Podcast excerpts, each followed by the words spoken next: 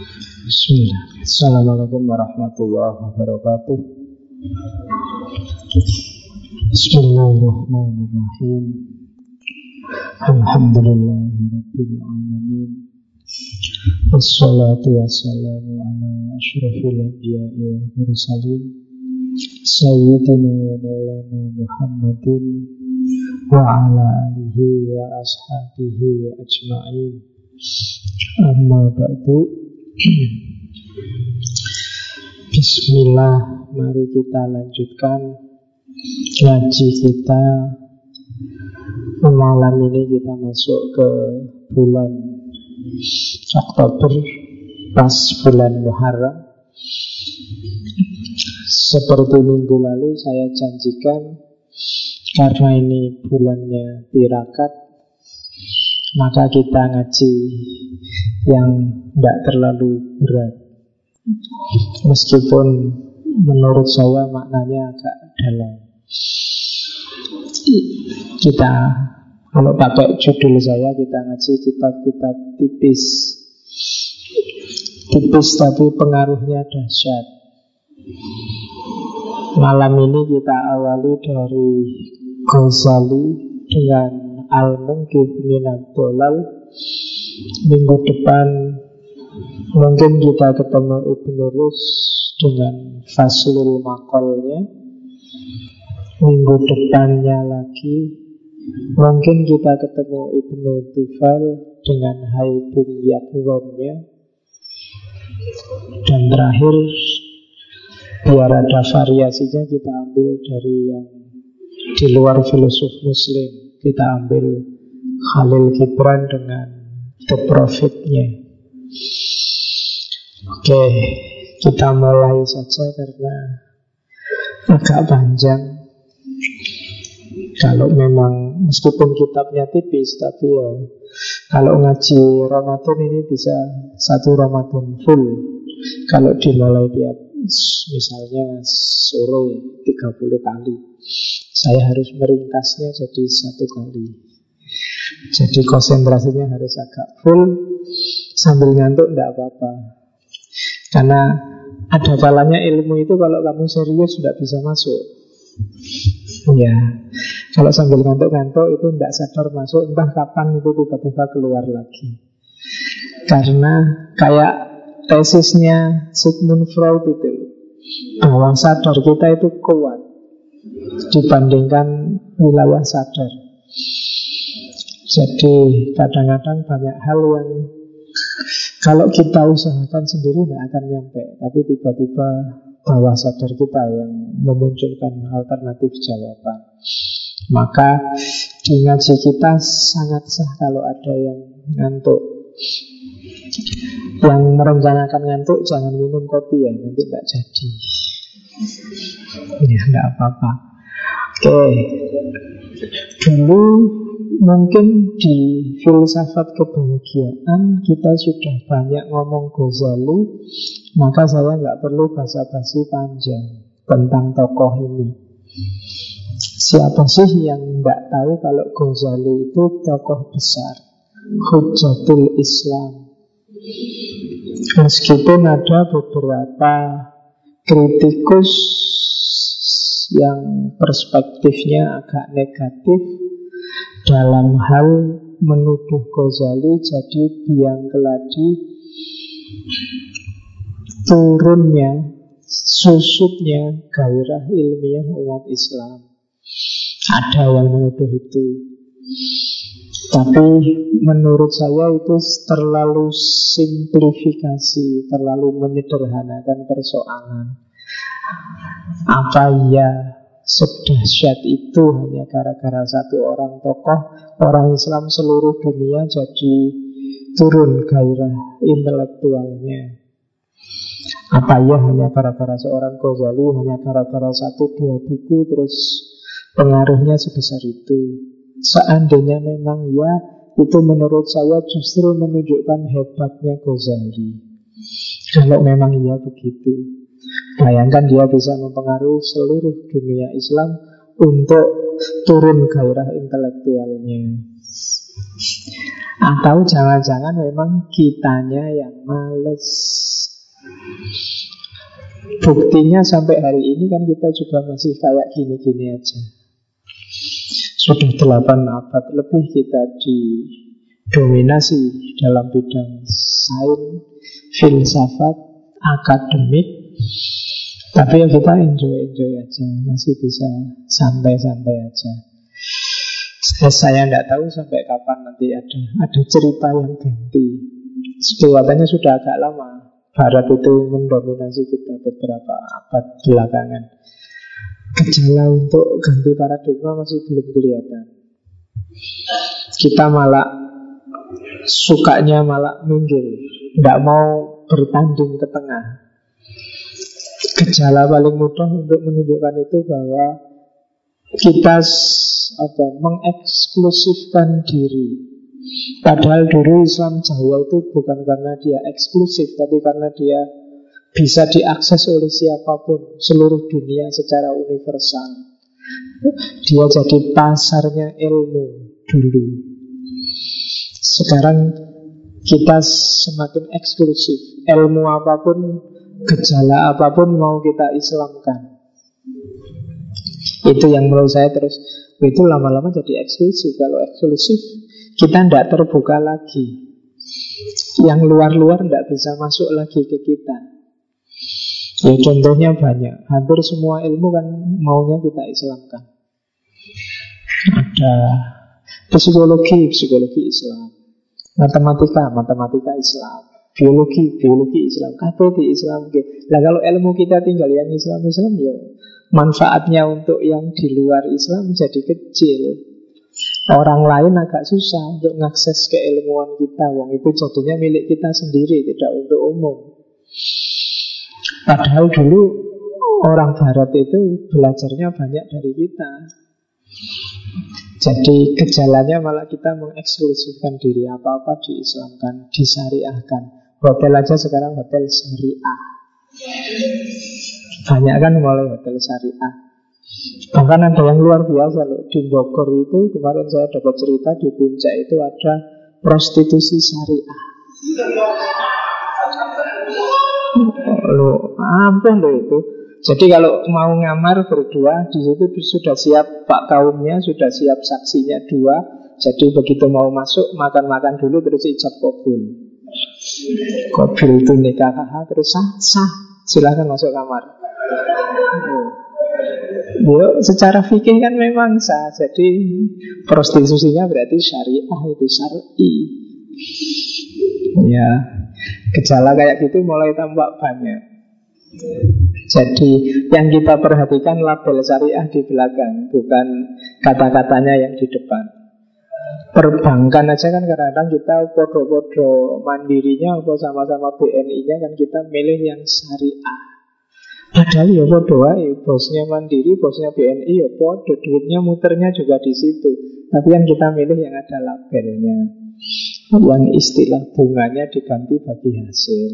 Yang istilah sering-sering kayak gitu. Maka ya kita latihan cerdas sedikit lah malam ini belajar dari Ghazali. Cirinya satu kalau ingin jadi kayak Ghazali. Rasa ingin tahunya tinggi jadi hari ini jarang orang yang rasa ingin tahunya tinggi. Kebanyakan cara berpikirnya dogmatis. Pokoknya aku alirannya apa, pikiran dari aliranku ini pasti benar. Dan itu yang tidak terjadi dengan seorang Ghazali. Ghazali ini anaknya orang tidak mampu, wong bapaknya hanya pemintal benang. Makanya ada yang bilang Ghazal itu dari profesi bapaknya. Meskipun sebenarnya itu sebenarnya merujuk nama daerah. Kunyahnya Abu Hamid, nama aslinya Muhammad bin Muhammad bin Muhammad Al-Atusi Al-Ghazali. Punya adik namanya Ahmad bin Muhammad bin Muhammad sama Atusi Al-Ghazali. Jadi yang adiknya namanya Ahmad, yang kakaknya namanya Muhammad. Yang kita bahas ini yang kakaknya. Kalau adiknya, yang adik Ahmad ini lebih stabil di dunia tasawuf sejak awal. Tapi yang kakaknya ini yang dahsyat, Ghazali. Dia menjelajahi hampir semua ilmu yang ada zaman itu. Khususnya ilmu-ilmu keislaman. Sampai dia mendapat gelar Hujatul Islam Guru-gurunya banyak Bahwa yang paling terkenal nanti Imamul Haramain Al-Juwaini Dari madhab Ash'ariyah Nanti Ghazali ini Karir intelektualnya cemerlang. Umur 34 tahun sudah jadi rektor Nizomia zaman itu. Karena dikenal kepandaiannya Kalau lagi ceramah Tidak kayak gini Di masjid kayak gini lesehan. Kamu bisa kelesehan. Kalau ceramah yang datang orang sak kota kurang. Jadi banyak Saking banyaknya kalau dia ceramah Di atas temboknya istana Biar semua orang kelihatan. Zaman jaya-jayanya Ghazali. Meskipun setelah itu dia mengalami krisis luar biasa. Mungkin dulu pernah saya ceritakan ya, satu ketika saat dia asik-asiknya ceramah, tiba-tiba adiknya yang sufi ini, Ahmad ini datang. Terus masuk ke tempatnya kakaknya, lihat kakaknya ceramah langsung dituding sama Ahmad dimarahi. Katanya Ahmad, karena sufi itu kan biasanya cara berpikirnya beda sama orang biasa. Katanya Ahmad, wahai batu asah, sampai kapan engkau menajamkan orang lain, tapi engkau sendiri tetap tumpul jadi Ghazali dianalogikan dengan batu batu asah yang untuk ngasah golok itu. Batu asah itu kan bisa menajamkan banyak sekali senjata, tapi dia sendiri tetap tumpul. Ini bisa kalian ingat-ingat besok yang jadi dosen, yang jadi guru, mungkin ada yang jadi ustadz, jadi kiai. Jangan sampai kalian jadi batu asah. Bikin orang lain tajam pinter Tapi dirinya sendiri tidak pinter Tidak tajam Tiap hari ceramah nyuruh orang sabar Dirinya sendiri ngamuan Yang lain jadi sabar Cuma dia tetap yang ngamuan Nyuruh orang rajin Kita harus tahajud Sholat malam. Mari kita bangun. Sepertiga malam yang berakhir. Dewi-dewi turu. Yang lain jadi mulia karena tahajud Dia sendiri tidur. Itu itu maka dituding langsung oleh adiknya. Adiknya ini agak jadab Satu ketika Ghazali sholat Adiknya makmum. Tengah jalan adiknya mufaroko Habis sholat ditanya Loh kok kamu mufaroko piye ya Tidak waktu aku sholat aku lihat tubuhmu berlumuran darah Terus katanya Ghazali, iya ya. Karena waktu sholat tadi tiba-tiba aku ingat tentang hukumnya orang menstruasi. Jadi lagi sholat membayangkan itu dan adiknya bisa lihat ya, tubuhmu kok banyak darahnya. Darah menstruasi. Ada ilustrasinya di di matanya adiknya Ahmad Ghazali ini. Jadi adiknya ini sufi. Nanti yang di akhir hidupnya Ghazali Adiknya ini yang mendampingi Jadi Ghazali itu sudah tahu kapan dia akan meninggal Habis sholat subuh dia tanya ke adiknya Ahmad hari apa ini? Hari Senin mas Oh, Loh ya kan kakaknya manggilin mas kalau Jawa Terus katanya Ghazali Oh ini berarti sekarang sudah waktunya. Tolong siapkan kain kafan Tolong siapkan air aku mau mandi. Jadi Ghazali Ghazali itu mau jadi almarhum Dia mandi sendiri Mengkafani dirinya sendiri Terus mapan sendiri dan berangkat. Nanti ada syairnya bagus Kalimat-kalimat terakhirnya. Dan ceritanya dia meninggal waktu duha. Jadi habis subuh sampai duha itu dia nunggu malaikatnya datang. Ya sambil berpikir sambil nunggu malaikatnya dan itu wali-wali kayak Ghazali. Oke, malam ini kita membahas fase skeptisnya Ghazali. Jadi fase ketika Ghazali diombang-ambingkan oleh ilmunya. Ketika dia kayak dekat kalau di barat meragukan segala pengetahuan. Ini janjinya yang paling benar yang mana ya? Yang nanti sampai bermuara pada ternyata menurutku pengetahuan sufistik yang paling kuat, yang paling mantap. Ini kalau ada yang tertarik silahkan diteliti banyak filosof, banyak ilmuwan yang di akhir hidupnya beloknya ke spiritualitas, ke dunia tasawuf. Ada apa? Silahkan kamu pelajari. Mungkin ada yang tertarik bikin tesis atau disertasi. Atau skripsi. Contohnya banyak. Makanya kalian besok hati-hati. Jangan sampai ketika kamu sedang kehausan spiritual Salah ngambil jalan. Begitu salah nasibmu akan mirip kayak marwah Daud Ibrahim. Ya, jadi hati-hati itu sedang haus-hausnya spiritual malah ketemunya Mas Kanjeng. Ya, jadilah dia terjebak di situ. Dan karena dia orang pinter, dia bikin justifikasi-justifikasi sendiri untuk kecenderungannya. Maka Jangan sampai besok di akhir-akhir kamu kehausan spiritual Cabang ilmumu apa saja Harus ada siraman-siraman spiritualitasnya. Kalau enggak saya khawatirnya begitu. Banyak yang aliran-aliran yang dianggap sesat kan modusnya sama. Lia Eden kah Mossad kah yang kemarin bikin Gavatar Itu modusnya sama. Yang yang jadi rekrutannya itu orang-orang yang sudah sukses. Dokter, pejabat, jenderal yang sudah sukses secara dunia.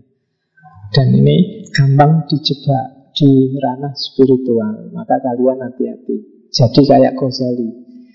Masuk ke dunia sufi tapi secara kritis. Nanti antara lain yang dua kritik ada kelompok namanya Batiniyah. Polanya sama, meskipun zaman itu yang dikritik Batiniyah itu sempalannya Syiah Ismailiyah. Oke, bismillah kita mulai ya. Hati-hati kalau ada kitab yang disebut karangannya Ghazali. Karena tulisannya memang banyak, tapi ada beberapa yang sebenarnya itu bukan Ghazali. Di catatan saya ini sebenarnya penelitiannya Abdurrahman Badawi yang dari Malaysia itu. Jadi dari karya-karya yang di pasar yang menyebut dia karyanya Ghazali ada 72 yang pasti itu memang karyanya Ghazali. Termasuk mungkin Minagolal termasuk Ihya Ulumuddin. Terus ada 22 kitab yang mungkin bukan diragukan. Detailnya kamu lacak sendiri ya. Ada 31 yang Rasanya kok iya, tapi tidak mungkin kalau kayak gitu Ghazali. Biasanya kitab-kitab perdukunan. Mungkin kalian pernah dengar kitab yang judulnya Al-Aufak. Al-Aufak ini bagi banyak orang disebut karyanya Ghazali. Tapi kalau melihat logosnya Ghazali, tidak mungkin dia begitu. Itu isinya mirip mujarobat yang kalau ada perempuan kamu lamar tidak mau Tulislah raja ini.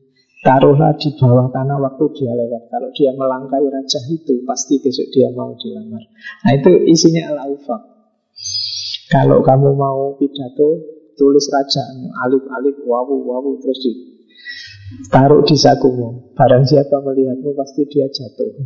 Nah itu al-aufak Iya. Kalau mau bunuh musuhmu diam-diam Tulislah kotak Digambar kotak Terus nama musuhnya ditulis di tengahnya, dilipet, taruh di bawah batu. Musuhmu mesti sakit. Tidak akan sembuh kalau sebelum batunya kamu angkat. Jangan dijajal tapi. Ada kitabnya. Kamu cari di toko-toko buku terjemahan ada. Biasanya pakai istilah ilmu hikmah. Jadi hati-hati ya, kata-kata hikmah itu tidak selalu konotasinya filsafat. Ilmu kanuragan, ilmu hikmah, tenaga dalam yang sejenis-jenis itu. Nah, itu antara lain itu. Mungkin tidak lah, itu mungkin bukan Ghazali. Wong di al mungkin minatolal nanti bagian-bagian belakang dia mengkritik cara berpikir semacam itu. Yang kalau di Jawa sering disebut kelenek. Terus ada kitab kecil, risalah yang dipotong-potong dari karyanya Imam Ghazali. Misalnya ada Muhtasor Ihya Ulumuddin, itu medel. Jadi ngeringkas-ngeringkas dari karyanya Ghazali. Terus ada yang namanya orang lain, tapi janjane itu karyanya Ghazali, plagiat.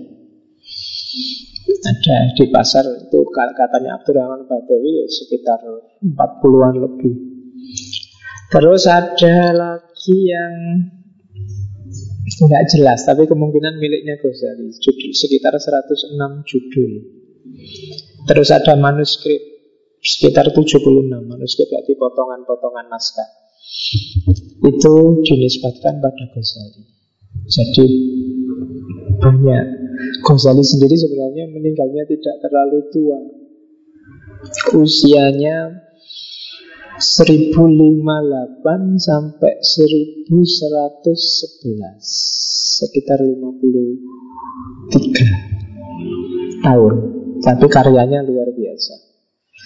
Namanya masih hidup hingga hari ini. Meskipun orangnya sudah lama tidak ada.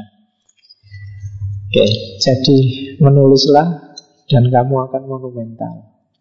Bikin tulisan yang banyak untuk diwariskan. Oke, jadi ini karya-karyanya. Al mungkin dolal pakai metode ini sebelum kita masuk ke materinya. Seperti apa sih kaya mikirnya Ghazali? Yang pertama, dia sedang mengejar kebenaran yang pasti. Bukan kebenaran yang bisa ya, bisa enggak. Bukan kebenaran yang di sana begitu, di sini begini. Tapi dia ingin ngecek mana yang ini benar, tidak mungkin salah. Itu yang menggelisahkan Ghazali. Yang kedua, itu yang pertama tujuannya itu. Yang kedua, caranya gimana? Dia mulai membangun dari premis-premis apa aksioma-aksioma yang sangat sederhana dan pasti benar dulu. Terus baru naik ke level atasnya, baru naik ke level atasnya. Orang mikir itu kan selalu dari premis. Jangan dikira produknya akal itu selalu pasti benar, tapi tergantung premisnya. Misalnya, kapan itu saya diskusi sama orang kejawen, dia bilangnya begini, ilmu itu ada ilmu hitam, ada ilmu putih. Ini premis. Kategori ada ilmu hitam, ada ilmu putih. Ini sebenarnya bisa diperdebatkan panjang. Tapi oleh dia, harus dianggap pasti benar. Itu namanya premis. Kayak Amar Daud kemarin waktu di LC itu dia kan mainnya dengan premis. Sebentar lagi Nusantara pasti akan jaya. Ini kamu bisa berdebat tiga hari tiga malam tentang asumsi bahwa sebentar lagi Nusantara jaya itu. Tapi oleh dia ini dianggap harus benar, pasti benar. Ini asumsi namanya yang jadi landasan dia berpikir. Maka keberadaan Dimas Kanjeng itu jadi sah-sah saja. Wong kalau Nusantara jaya kan butuh raja. Oleh karena itu yang kayak dia ini bisa jadi raja. Oke, jadi itu namanya permis. Kalau kalian mau mengkritik pikirannya orang, hancurkan permisnya otomatis sampai ke atas bangunan pikiran itu akan jatuh. Sosiologi misalnya, dia punya asumsi bahwa manusia itu butuh manusia yang lain dan mereka berinteraksi. Ini kan nggak dibahas. Kalau ini kamu runtuhkan, ilmu sosiologi bubar. Runtuhkan, buktikan bahwa tidak Manusia itu tidak butuh yang lain Dia sendirian bisa Buktinya Tarsan Ya kan? Tarsan itu di hutan bisa hidup Sama monyet, sama buaya, sama macan Dia bisa hidup di hutan Tidak butuh orang lain Katanya siapa? Dia selalu butuh berinteraksi dengan yang lain Jadi manusia adalah makhluk sosial Itu salah Ya bisa sosial, bisa tidak sosial. Oh, itu ilmu sosiologi bubar sudah. Karena asumsi paling dasar sosiologi itu. Itu namanya permis. Dan Ghazali ingin mengawali dengan permis yang pasti benar. Yang tidak mungkin orang akan bantah itu. Kalau permisnya pasti benar, nanti kesimpulannya ya juga lebih mudah. Ya permis pasti benar itu misalnya yang tiap hari kamu pakai itu kan setiap manusia pasti mati ya kan itu kan permis yang iyalah orang langsung paham kalau bahasanya Ghazali atabadur ilal faham. Yang langsung bisa dipahami ya berarti itu benar. Susah bantahnya oke jadi cara berpikirnya begitu nanti. Seperti apa Ghazali nyari kebenaran? Diamali dari permis yang tidak bisa dibantah. Dari premis yang pasti benar. Terus yang ketiga, caranya Ghazali nulis Al-Mungkib Minal Dolal adalah menguji kebenaran apa pun, teori apa pun, ilmu apa pun yang dia temui diuji. Tidak percaya asumsi, tidak percaya proposisi dari mana pun sebelum dia menguji ya menguji itu pakai akalnya pakai argumen nanti ilmu kalam dijelajahi diuji. Filsafat dijelajahi diuji. Ilmu kebatinan dijelajahi diuji. Itu Ghazali. Nggak gampang nerima. Terus yang terakhir ya dia terbuka pendapat apa pun diterima. Tidak keburu menutup informasi. Ini yang kita sering tidak punya Kita sering kalau sudah merasa benar Menutup telinga, menutup mata. Pokoknya aku wis benar. Yang di luar ini Yang saya yakini ini mesti salah. Itu alamat kita mandek. Jadi Ghazali membuka diri terhadap informasi apa pun dari siapa pun, bahkan dari yang paling dia benci, yang paling dia nggak suka. Ya kalau zaman itu kan lagi konflik antara dinasti Saljuk sama dinasti Fatimiyah yang Syiah. Makanya antara lain nanti dia mengkritik aliran batiniyah, ta'limiyah dari Syiah Imamiyah. Itu pun dia kaji mendalam. Dia mengkritik filsafat tapi juga siap membuka telinga untuk ada teori filsafat apa pun, ada konsep filsafat apa pun, dia mau belajar. Bandingkan dengan banyak kita hari ini. Kita hari ini kan kalau sudah merasa ada di kotak A, kita antipati sama kotak B. Kalau ndak kalian, ndak musuh kalian. Mungkin kalian ada apa dikit, ah itu Wahabi pak, ndak suka saya. Sudah tutup sudah. Yang sana juga begitu. Ah itu bid'ah, itu kelompok grup bid'ah, tidak usah. Begitu. Jadi selalu begitu. Yang anti Ahok juga gitu, yang pro Ahok juga begitu. Pokoknya kalau lawan langsung kamu tutup pintu rapat-rapat, tidak mau bersentuhan dengan itu. Ya untungnya kamu bukan apa-apa. Kalau kamu penguasa, jadinya kamu mesti otoriter. Dan itu yang tidak dilakukan oleh Ghazali. Ghazali jadi hujatul Islam itu karena dia membebaskan dirinya dari keterkungkungan kota apa pun. Maka orang jadi bingung. Ghazali itu filosof, apa teolog, apa ahli fikih, apa ahli susah. Karena dia ngerti segalanya. Meskipun terakhir dia memasuki dunia tasawuf. Setelah masuk tasawuf pun setelah puncak keyakinannya mengalami marifat, dia kembali lagi mengajar. Oke, jadi metodenya itu. Terus mulai masuk ke kitab ya. Ini di bagian pendahuluan. Jadi al-mungkit dolal itu namanya risalah. Risalah itu surat. Biasanya kasusnya dia ketemu temannya, sahabatnya, siapa yang menanyakan apa. Terus dibaleslah pakai surat. Dan suratnya karena tebel akhirnya jadi kitab kecil. Nanti ada kitab agak tebal semua risalahnya Ghazali dijadikan satu dikasih judul Majmu'atu Rosail termasuk Al-Mungkit Minadolal ada di situ. Jadi kalau sekarang kan nggak nggak mentradisi risalah nulis surat. Hari ini kan kamu pakai SMS atau WA cuma sebanyak-banyaknya WA ya nggak akan bisa jadi kitab Ya, yo adalah orang mengumpulkan tulisan di Facebook, tapi kan tidak sekali tulis. Kalau ini kan sekali nulis, sekali nulis sekian puluh halaman jadilah kitab dan dikasih judul, termasuk al mungkit minadolan. Hari ini kita tidak mentradisi. Kalau mau ditradisikan lagi tidak apa-apa. Yang punya pacar usahakan jangan ngirim kabar pakai SMS atau WA, surat. Itu lebih romantis. Kalau nggak percaya, coba aja. Kalau surat kan kata-katanya panjang. Ada kembangan-kembangannya. Ada.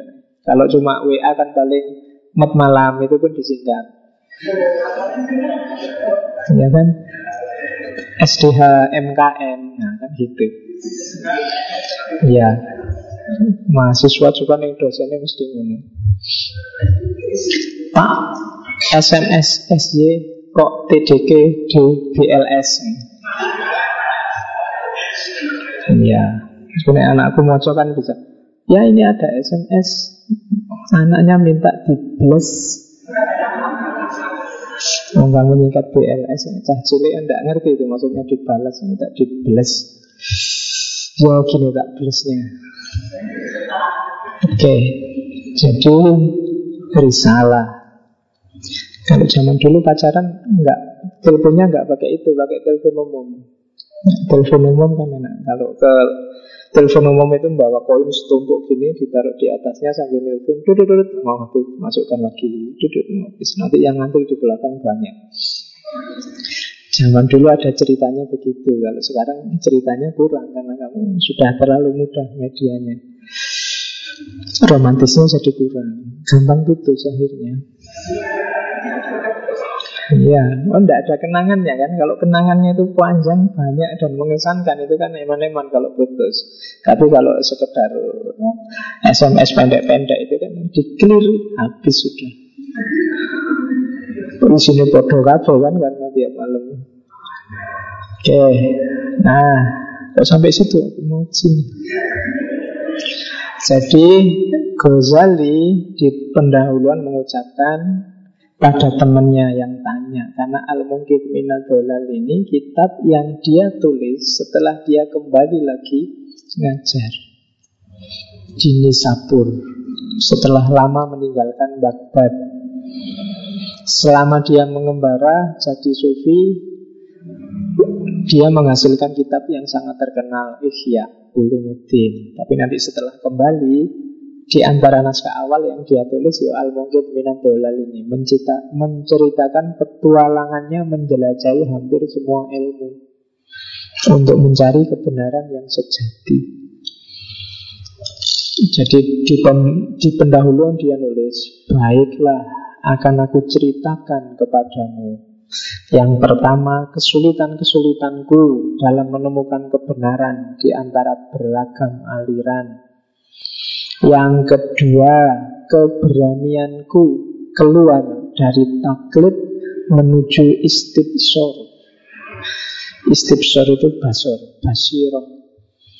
Pengetahuan. Maksudnya pengetahuan rasional, pengetahuan yang dalam. Itu kenapa dia menyebut kata keberanian karena jarang orang berani keluar dari kotaknya sendiri untuk mencari kebenaran. Rata-rata merasa ya kotaknya itu yang benar.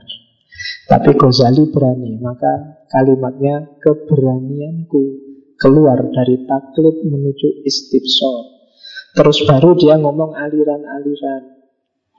Apa yang ku pahami dari ilmu kalam Apa yang ku mengerti dari aliran taklim Taklim itu nanti biasanya disebut batiniah Maksudnya syiah Imamiyah Zaman itu Yang bertaklid kepada imam.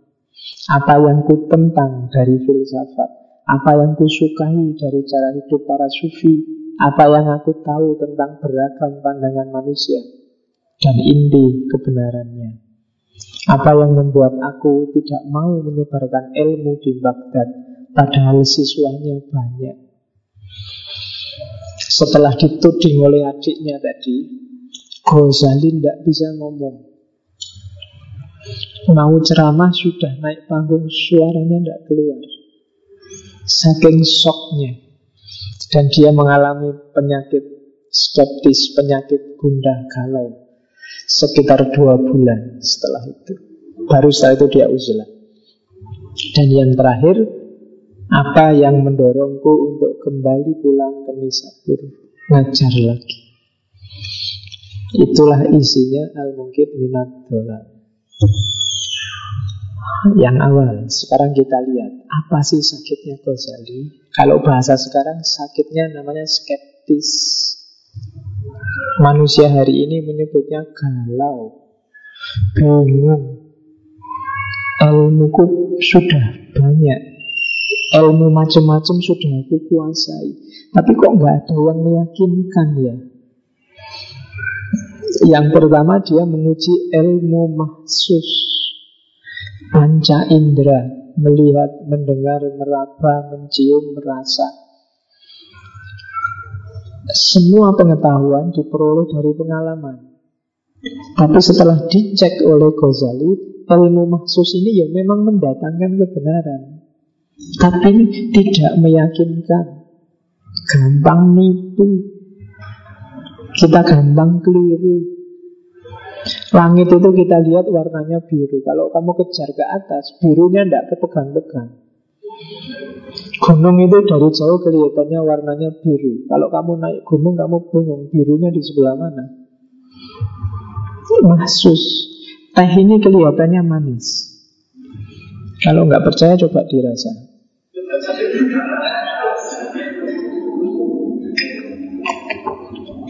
Ya kan? Dirasakan kok beda ya bayanganku manisnya segitu rasanya kok segitu Ilmu mahsus sering salah. Kamu meraba apa ini barangnya mesti mulus dilihat ternyata ya enggak. Kamu lihat perempuan dari jauh kata cakep dari dekat ah doang. Lu mahsus itu matamu gampang ketipu. Apalagi sekarang banyak yang pakai make up. Antara siang hari sama malam hari bangun tidur beda. Itu mahsus. Kalau kita mengandalkan mahsus kita akan hidup sering ketipu. Bahkan ilmu maksus yang paling dahsyat yang namanya fisika aja sekarang sudah ganti orientasi, namanya relativitas. Kuantum menunjukkan ketidakpastian.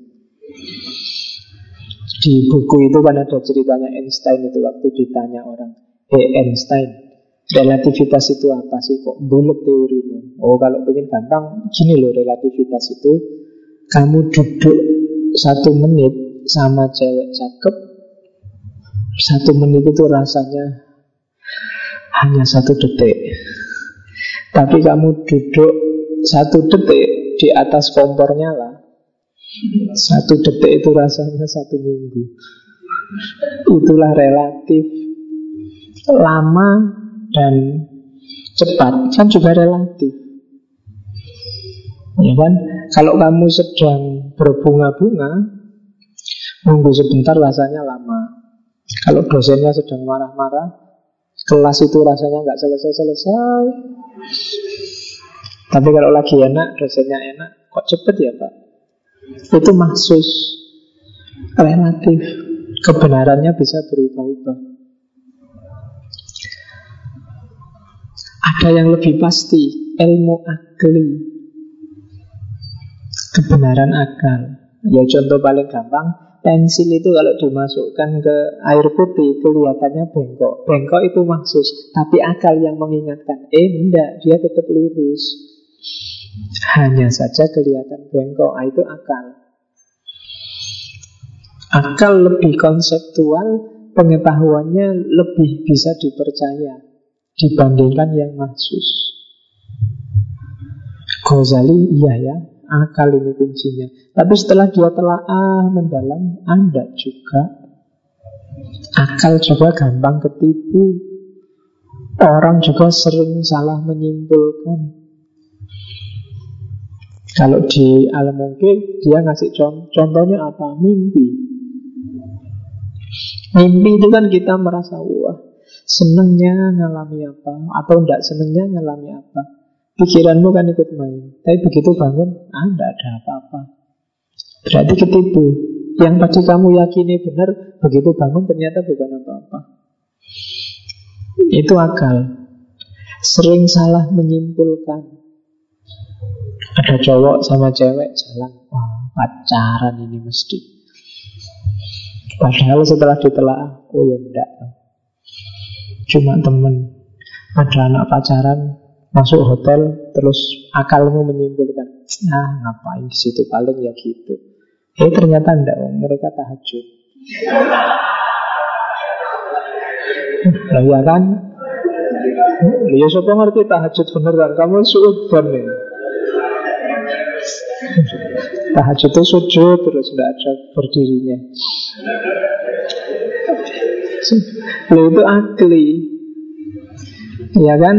Hari ini orang tawuran habis-habisan itu kan pertarungan antara akli. Mahsusnya jelas. Misalnya tadi malam itu kan ILC Mahsusnya jelas ada di Mas Kanjeng untuk duit macam-macam itu kan. Terus akalnya main semua orang di situ Sampai jam setengah satu nggak selesai-selesai. Dan kamu sampai detik ini bingung Sing bener sing di Itulah akal. Penuntutnya Jessica argumennya rasional. Pembelanya Jessica argumennya juga rasional. Akal kamu tidak ketemu kebenaran yang sejati di situ, katanya Ghazali. Ternyata akal juga terbatas. Banyak hal yang tidak bisa dijangkau oleh akal. Oh ini gelisah Ghazali sudah. Kenapa gelisah? Ternyata akal yang jadi basisnya semua ilmu juga meragukan. Mahsus yang jadi sumbernya pengalaman, sumbernya pengetahuan juga meragukan. Ya aku harus pakai ilmu yang apa terusan? Itu yang bikin Ghazali gelisah. Lama dia gelisah. Itu kalimatnya di Al-Mungkib Penyakit itu menggerogoti dan bertahta dalam hatiku selama dua bulan. Dan dalam waktu dua bulan itu, aku terombang ambing di tengah aliran sofistik sofisme. Sofisme itu kan kebenaran pasti itu tidak ada. Setiap kebenaran relatif. Yang hanya bisa menentukan langkah tindakan saja. Tidak bisa menentukan langkah logika serta ucapan. Kemudian sesudah itu Allah memberi kesembuhan kepadaku dari penyakit itu dan kembalilah hatiku sehat dan normal seperti sedia kala. Kepastian-kepastian akli bisa diterima kembali dan bisa diakui kredibilitasnya.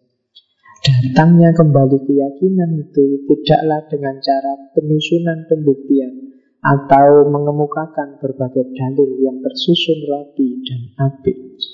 Akan tetapi berkat cahaya Allah yang telah Allah letakkan di dalam dadaku. Jadi Ghazali gelisah dua bulan. Tidak sembuh-sembuh ini gimana? Dipikir nggak nyampe pikirannya. Nyari kebenaran yang pasti. Sampai di titik ketika tiba-tiba hatinya tentram sendiri. Percaya dari Allah dan yakin lagi. Yang tadi dia ragukan sekarang mulai dia yakini. Tidak lewat usahanya Tapi lewat pertolongannya Allah. Jadi itu yang dialami Ghazali. Dia sendiri sudah merasa nggak nyampe. Kalau mikir sendiri menghadapi kebuntuan-kebuntuan epistemologi yang dia alami. Ya, akhirnya Allah sendiri yang datang menyelamatkan Ghazali dengan memberikan keyakinan. Ini kan susah ya. Dipikir tidak yakin-yakin tapi Allah sendiri yang ngasih keyakinan. Itu sama kayak kalian. Tidak seneng luar biasa tapi tiba-tiba kok seneng. Itu Allah yang ngasih. Urusan buntu tidak selesai-selesai tapi tiba-tiba Allah yang menunjukkan jalan. Itu persis yang dialami Ghazali. Jadi pengetahuan kebenaran yang tiba-tiba hadir. Dijelaskan mungkin masih berat tapi Yakin aja Ghazali saat itu. Oh enggak lah, akal masih bisa dipakai dalam tahap tertentu. Maksus juga harus dipakai dalam tahap tertentu. Tidak mungkin orang tidak meyakini maksus, tidak mungkin orang tidak meyakini akal. Dari mana datangnya ini? Dari Allah. Setelah tadi bingung berkepanjangan, penyelesaiannya memang satu-satunya dari Allah. Itu ungkapannya Ghazali. Oke, Terus dari situ terus dia mulai menjelajahi ilmu-ilmu. Sekarang saya mau nyari ilmu yang bikin manusia gelisah akhir-akhir ini, zaman itu. Kita tak kutip langsung Arabnya. Empat aliran inilah yang dijelajahi oleh Ghazali. Yang pertama Al-Mutakallimun golongan ahli ilmu kalam, ilmu tauhid, teolog. Siapa mereka? Wahum yuda'una annahum ahlul ra'yi wan nadhar.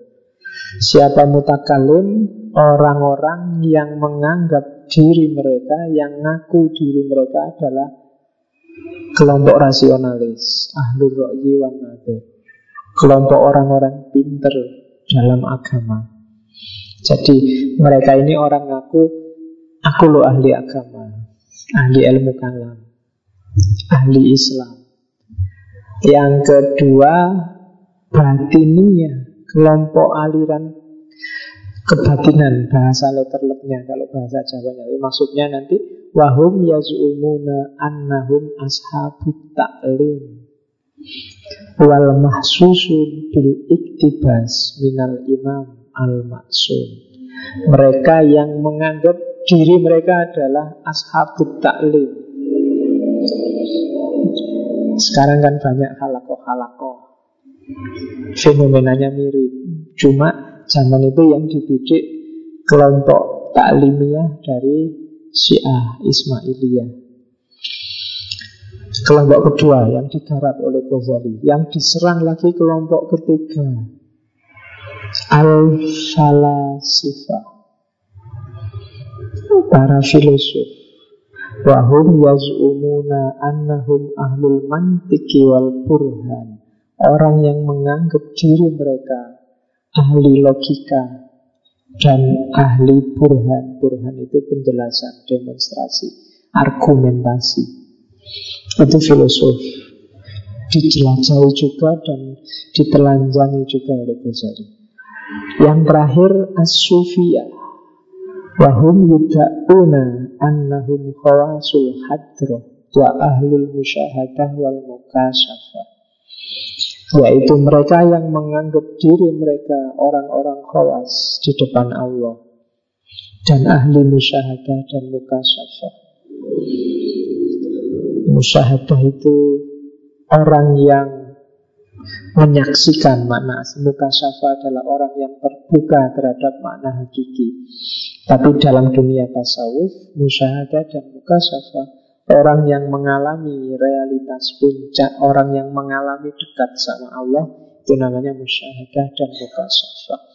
Itu juga dijelajahi oleh Ghazali. Oke, okay. jadi mutakallimun, batiniyah, falasifah, dan sufiyah. Sekali-sekali ada Arabnya ya Ben kaya ngaji tenanan Biasanya Inggris Sekarang sekali-sekali Arab. Mungkin besok juga pakai Arab dikit-dikit. Oke Sekarang kita lihat Apa yang digarap oleh Ghazali Dari empat kelompok ini. Yang pertama ilmu kalam. Katanya Ghazali Ini terjemahan langsung. Selanjutnya Allah menumbuhkan golongan, golongan mutakallimun dan menggerakkan motivasi mereka untuk membela as-sunnah dengan omongan yang tersusun rapi dan apik dan menyingkap kesimpang siuran ahli bid'ah yang tidak cocok lagi dengan as-sunnah. Jadi mutakalim itu hadir untuk membela as-sunnah. Kalau ada yang nyerang Islam, mengkritik ajaran Islam, ya biasanya orang-orang kelompok dari luar. Mutakalim yang tampil. Kalau ada yang mengkritik Islam kok kayak gitu sih, Islam masa percaya di surga ada sirotol mustaqim, masa percaya besok kalau di surga yang sahid ketemu 72 bidadari, masa percaya itu kan banyak orang mengkritik Islam. Yang tampil harus membela Islam adalah namanya mutakalim. Termasuk kelompok-kelompok ahli bid'ah yang ngarang-ngarang dalam hal akidah. Itu yang harus bela adalah mutakalim. Jangan itu. Ketika Islam mulai tersebar ke mana-mana, itu kan banyak ketemu ajaran-ajaran agama lain, aliran lain. Nah, aliran lain ini kan semacam nantang. Kalau Islam gimana? Termasuk lahirnya kalam, antara lain kan ketemu sama teologinya Kristen. Orang Kristen duluan punya konsep rasional. Secara tidak langsung nantang Islam. Kalau Islam punya wow, teologi rasional. Islam punyanya kan cuma diyakini aja, dogmatis. Nah itu yang tampil jawab, ini mutakalim. Jadi katanya Ghazali, mutakalim itu penting. Dialah yang tugasnya membela sunnah. Jadi membela Islam itu tidak pakai pentungan, tidak pakai teriak-teriak Allahu Akbar. Tapi rasio mutakalim. Tapi coba dilihat, katanya Ghazali, selanjutnya bagaimana? Ilmu kalam itu muncul dengan pesatnya dan banyak orang menaruh simpati padanya. Namun kemudian ahli ilmu kalam mempunyai ide untuk maju selangkah dari pemeliharaan terhadap as-sunnah yaitu dengan mengadakan pembahasan tentang berbagai hakikat perkara dan mengadakan pendalaman tentang beberapa elemen beserta hukum-hukumnya. Karena hal itu tidaklah merupakan maksud ilmu mereka, maka pembicaraan mereka tidaklah produktif sehingga tidak bisa menghapus berbagai kegelapan dalam beberapa perselisihan faham di dalam masyarakat. Dalam prakteknya ternyata para mutakalim ini banyak yang dalam tanda petik ya iseng. Iseng itu membahas nyari isu yang tidak relevan sama umat. Perkara-perkara tidak penting yang tidak nyambung diangkat akhirnya gegeran sesama umat Islam sendiri. Tadinya dia berguna untuk melawan dari luar, sekarang akhirnya jadi bahan tawuran di dalam. Awalnya apa? Karena dia melampaui wewenangnya awal, memasukkan isu-isu yang sebenarnya nggak harus bahas itu. Ngapain sih itu dibahas? Wong nggak ada dari luar Islam yang gugat itu. Itu katanya Ghazali. Kalau sudah diyakini benar. Misalnya kan banyak Misalnya Mu'tazila memasukkan isu Membahas Tuhan aja sampai ngomong tentang atom lah Tentang aksiden lah Tentang jauhar lah.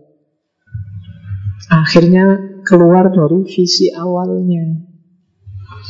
Yang semula jadi solusi Sekarang dia jadi masalah Nah itu kritiknya Ghazali pada ilmu kalam. Ya mungkin bagus, kajian kalam semakin luas, tapi jadinya tidak produktif. Tidak produktif itu ya tidak efektif. Umat tidak butuh isu itu. Itu kan yang belakangan terus dikritik ilmu kalam klasik itu terlalu melangit. Dunia sudah sampai ke mana-mana Kita masih bahas besok bisa melihat Tuhan apa enggak Besok itu Tuhan itu zat sama sifatnya sama apa enggak? Kan kita sibuk di situ. Bahas Tuhan, bahas langit, bahas besok kita di surga bisa seperti apa, di neraka seperti apa. Dan kita gegeran gara-gara itu. Oke, ya termasuk lahirnya aliran kayak kemarin Imam As'ari gegeran sama gurunya kan perkara-perkara yang sebenarnya tidak produktif untuk kepentingan umat. Tidak ada itu pun umat Islam bisa maju. Itu maunya Ghazali energinya banyak terbuang di situ. Akhirnya malah muncul aliran-aliran, sekte-sekte, madhab-hadhab, dan dimulailah perang saudara. Yang sampai hari ini kan diskusi-diskusi kalam klasik itu tidak ada kata final. Manusia itu Jabariyah apa Qadariyah ya? Tidak tahu. Bisa Jabariyah, bisa Qadariyah. Besok kita bisa melihat Tuhan enggak? Ya bisa iya, bisa enggak. Allah itu sifat dan zatnya sama enggak? Ya, ya mungkin aja sama, mungkin juga tidak. Selalu begitu. Jawabannya belum pasti, yang sudah pasti kelihatan. Kita tawuran. Mihnahnya Mu'tazila. Gegeran antara Sunni A Itu kan sampai hari ini. Maka kesimpulannya Ghazali, ilmu kalam tidak bisa dijadikan obat bagi kegelisahanku. Ilmu kalam justru melahirkan kegelisahan yang baru. Belajar ilmu kalam akhirnya jatuh pada kotak-kotak dan kotak-kotak itu menambah gelap umat katanya Ghazali. Menambah pening. Jadi harusnya tidak sejauh itu ilmu kalam. Makanya nanti belakangan Ghazali nulis Iljamul awam an ilmil kalam Termasuk jenis kitab tipis juga Jadi iljam Iljam itu kendali Kendalinya kuda itu namanya iljam Maksudnya apa? Mengendalikan orang awam dari ilmu kalam.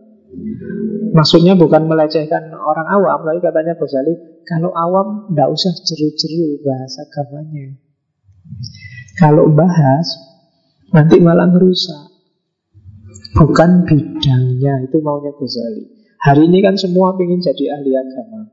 Semua ingin kembali pada Quran dan Sunnah Pak kita Mau ngaji kurung tanya Mau kembali pada Quran dan Sunnah Bisanya cuma dari terjemahan Itu yang maksudnya Ghazali Wis toh Nek awam ya diakui aja awam Maunya Ghazali begitu Makanya nanti Jangan tersinggung kalau Ghazali ngomong filsafat juga tidak penting.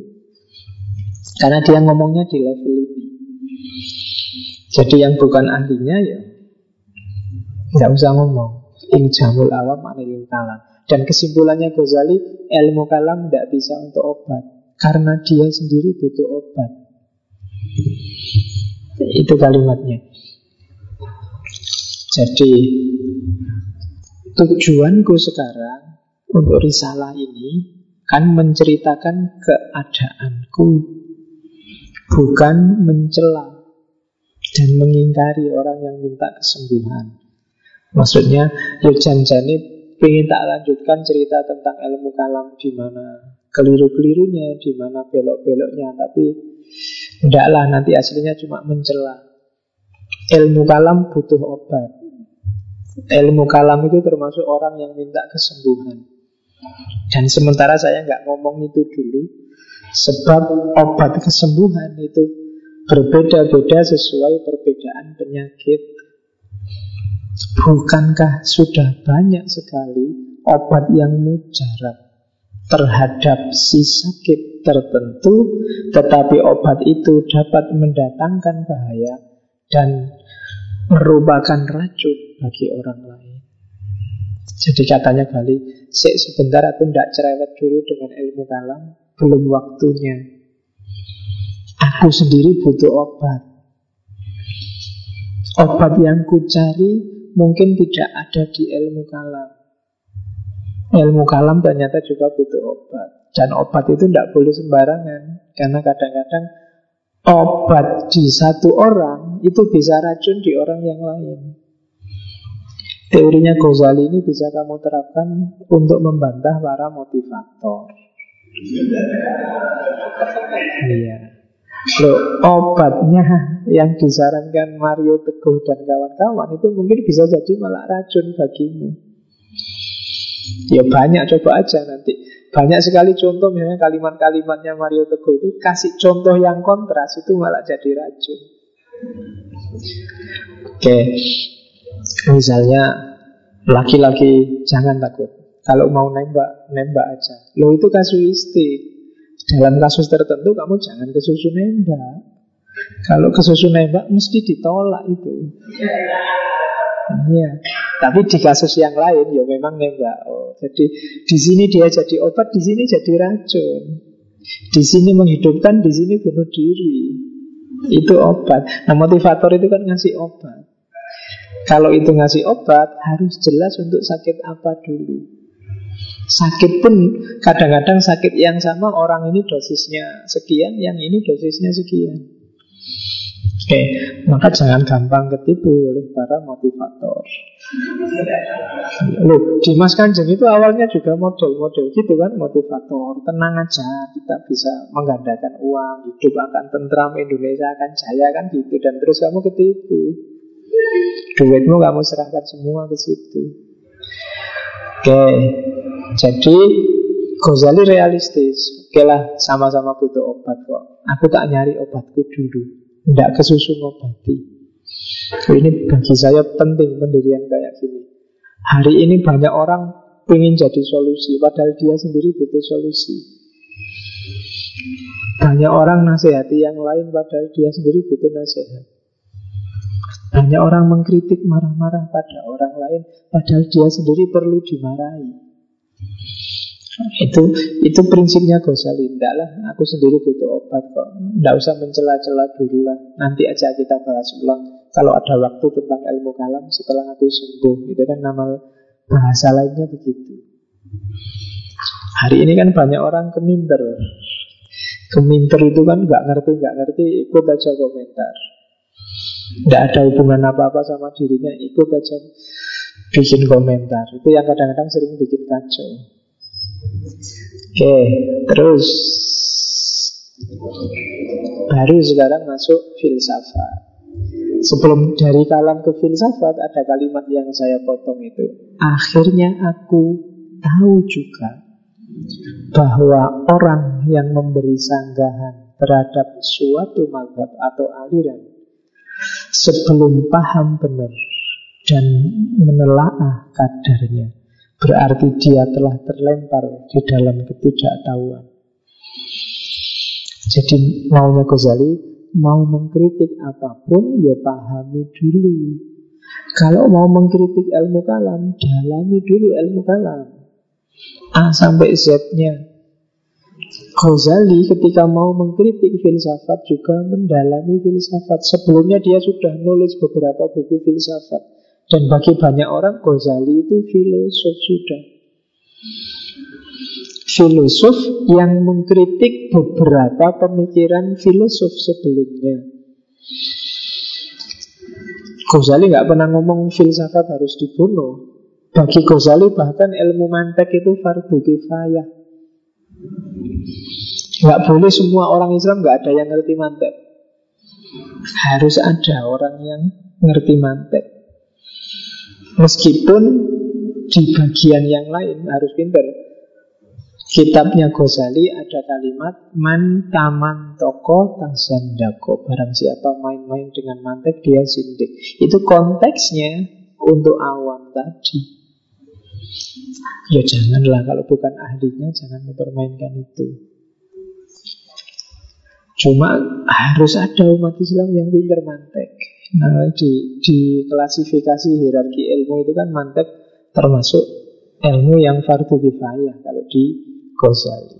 Nah, sebelum dia masuk ke filsafat, dia sudah mewanti-wanti dirinya sendiri. Sebelum aku ngerti benar tentang filsafat, aku tidak akan ngeritik filsafat. Maka dia banyak nulis tentang filsafat. Meskipun modenya otodidak, karena dia sendiri sudah puncaknya ilmu zaman itu, Nyari guru susah karena semua orang berguru padanya. Filsafat dan yang sejenis itu itu dia banyak otodidak termasuk tadi yang aliran taklimnya. Kita lihat filsafat di mata seorang Ghazali. Yang pertama dia mengklasifikasi macam-macam ahli filsafat.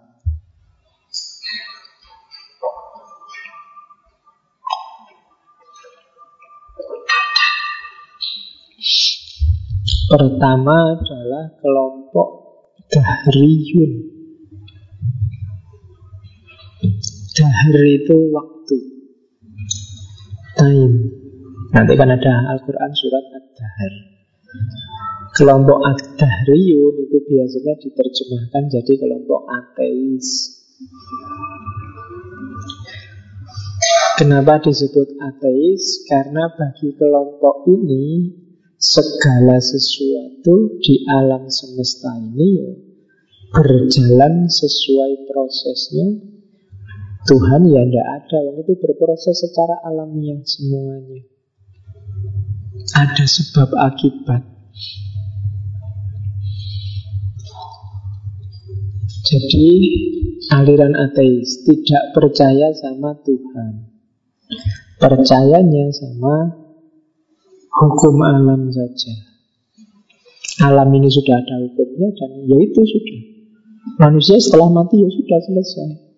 Dikubur habis ya selesai. Alam ini pokoknya sesuai hukum yang sudah jalan selama ini. Kelompoknya namanya Dahriyun. Dahr itu artinya masa, waktu. Segalanya akan selesai dengan waktu. Itu sama kayak kalian ngomong waktu yang akan menjawab. Ya kan kalau ada masalah kan kamu sering begitu.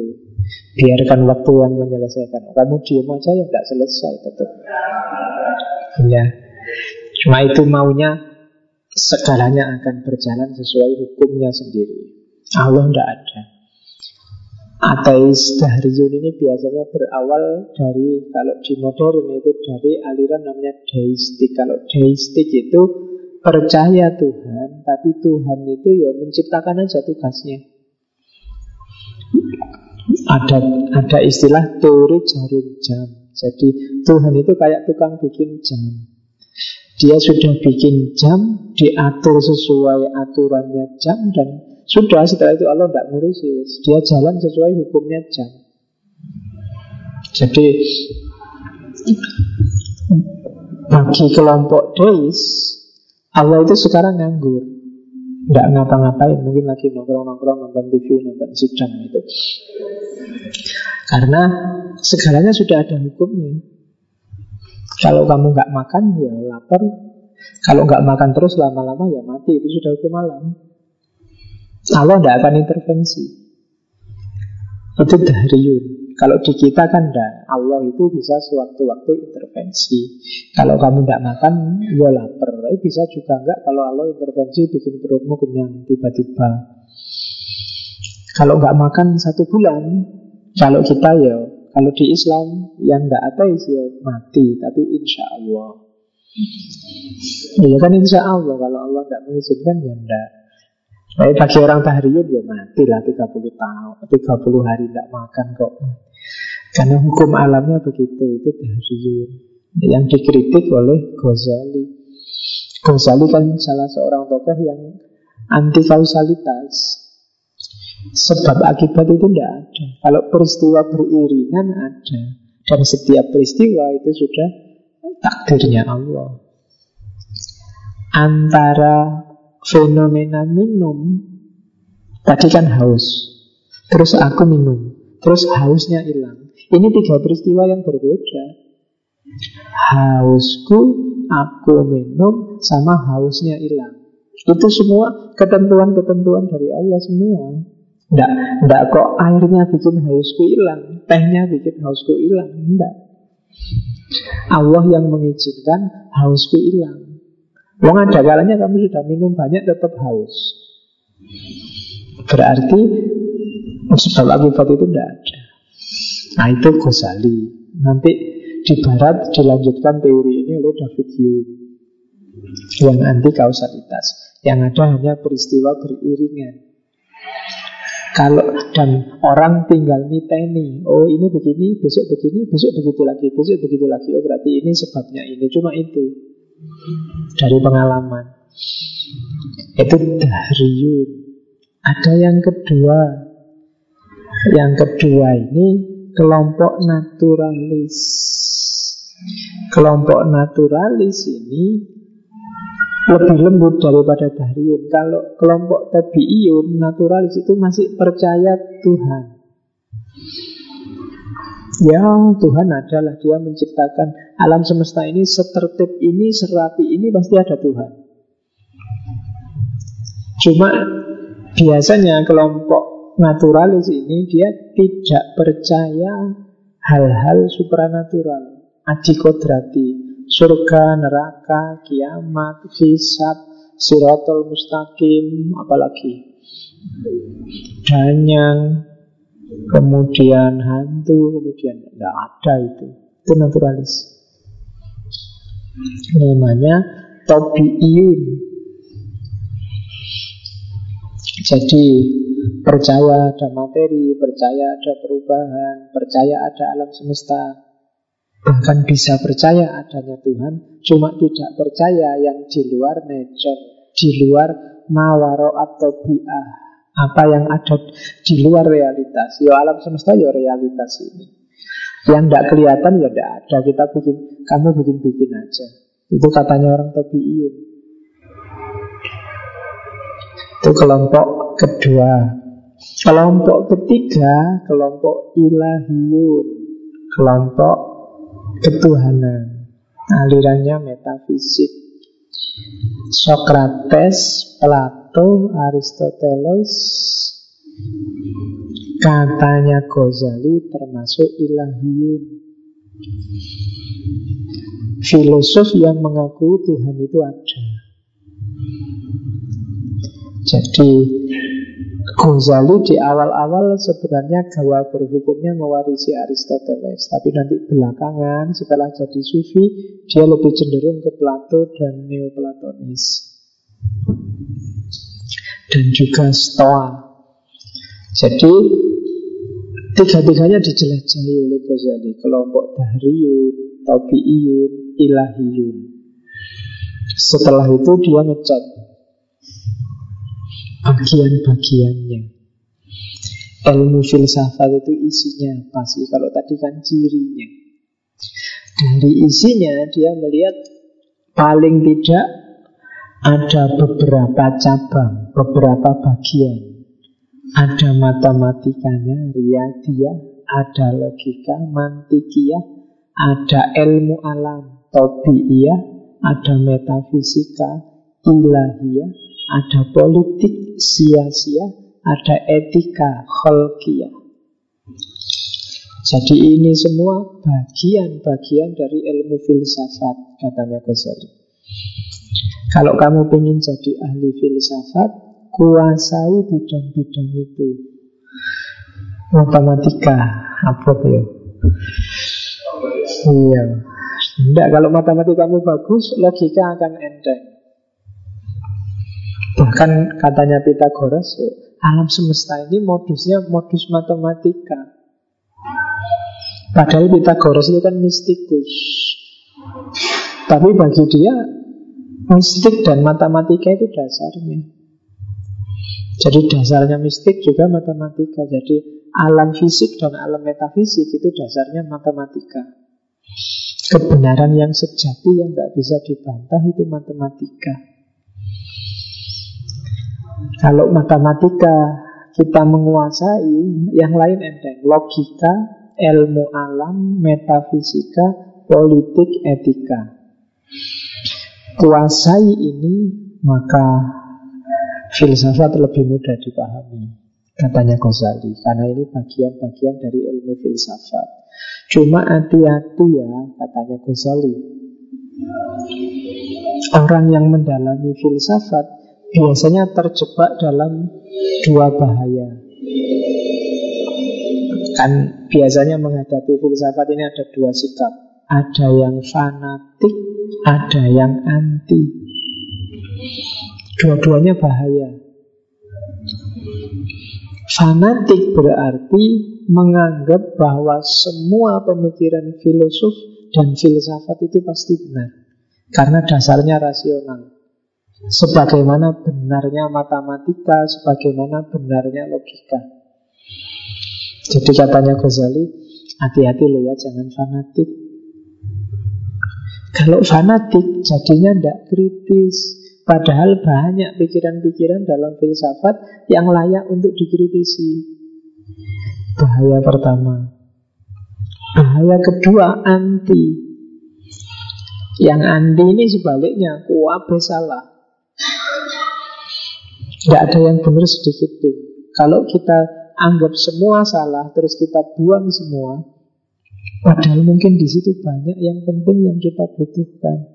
Kita juga akan kehilangan banyak. Jadi meskipun dia agak mengkritik filsafat, tapi bagi dia ya di filsafat ada beberapa yang menguatkan iman, mencerdaskan, membuat hidup berkualitas. Itu ya jangan dibuang. Tapi juga jangan fanatik. Wong tadi ada yang ateis, ada yang anti dengan adikodrati. Ya itu harus kritis juga. Jadi apakah itu politik, apakah itu etika, apakah itu metafisika, ilmu alam, usahakan jangan ada di dua kutub bahaya itu. Kutub fanatik dan kutub anti. Apa pun itu. Karena kadang-kadang kebenaran itu tersebar di mana-mana. Kayak katanya Imam Ghazali itu.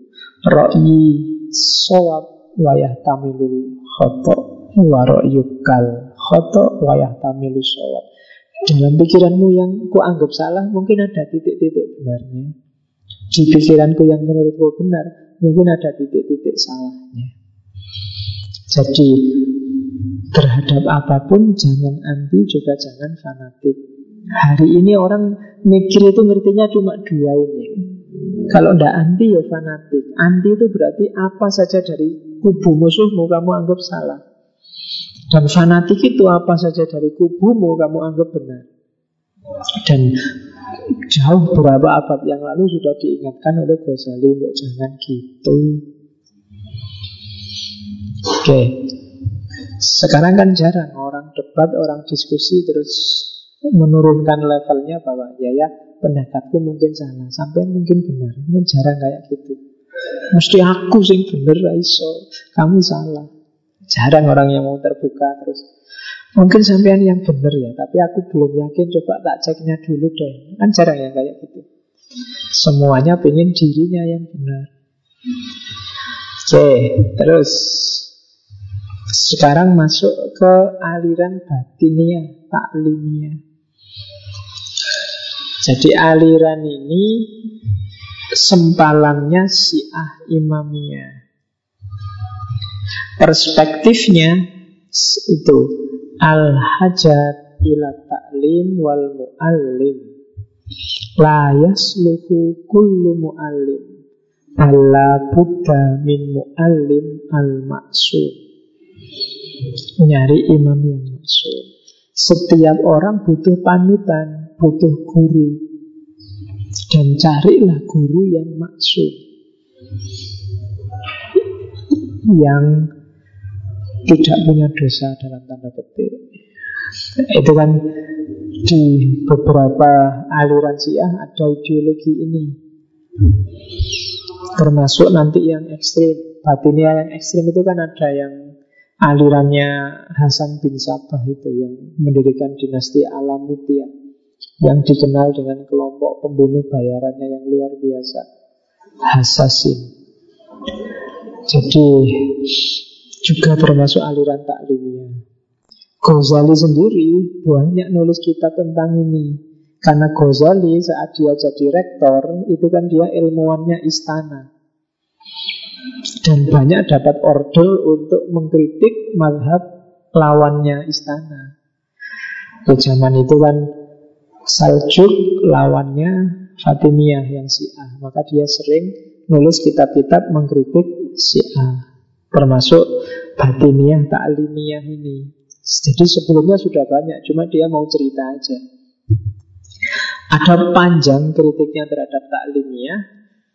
Beberapa saya kutip di situ. Misalnya orang taklimiyah bilang bahwa setiap orang butuh guru. Ya, katanya Ghazali.